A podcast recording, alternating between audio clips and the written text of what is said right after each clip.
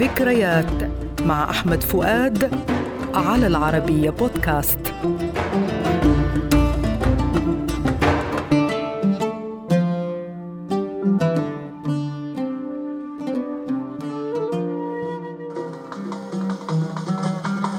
أغنيتنا اليوم هو صحيح الهوى غلاب. شعر بيرم التونسي ألحان الشيخ زكريا أحمد.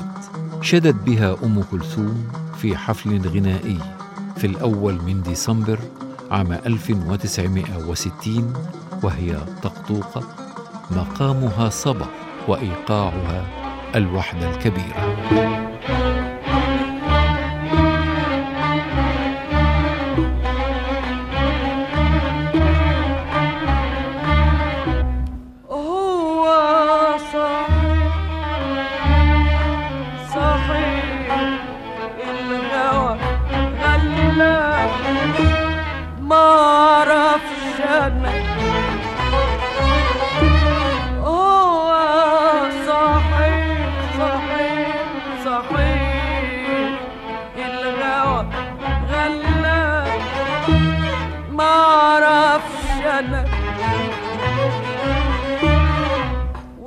والهجر قالوا مرار وعذاب. والهجر قالوا قالوا مرار وعذاب. واليوم اليوم اليوم بالسنة تحمل هذه الأغنية كما عودنا بيرم التونسي أعمق المعاني بأبسط العبارات. أما من ناحية الشكل فهي طأطوئة ذات ثلاثة أغصان مختلفة اللحن مذهبها إزاي يا ترى ملحق بآخر كل غصن وليس فيه شيء من المقدمة الغنائية؟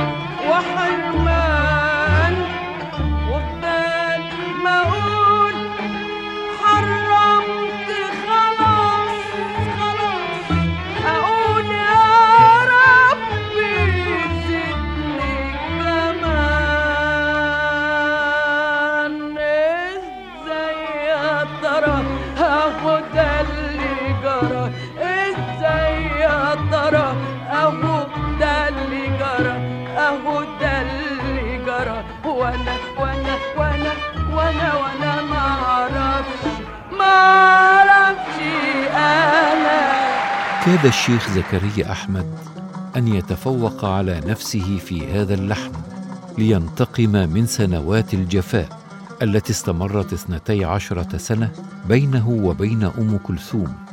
فكانت هذه الأغنية عربون المصالحة ومسك ختام العلاقة في الوقت نفسه لأن كل من زكريا أحمد وبيرم التونسي توفي بعد الأغنية بأيام.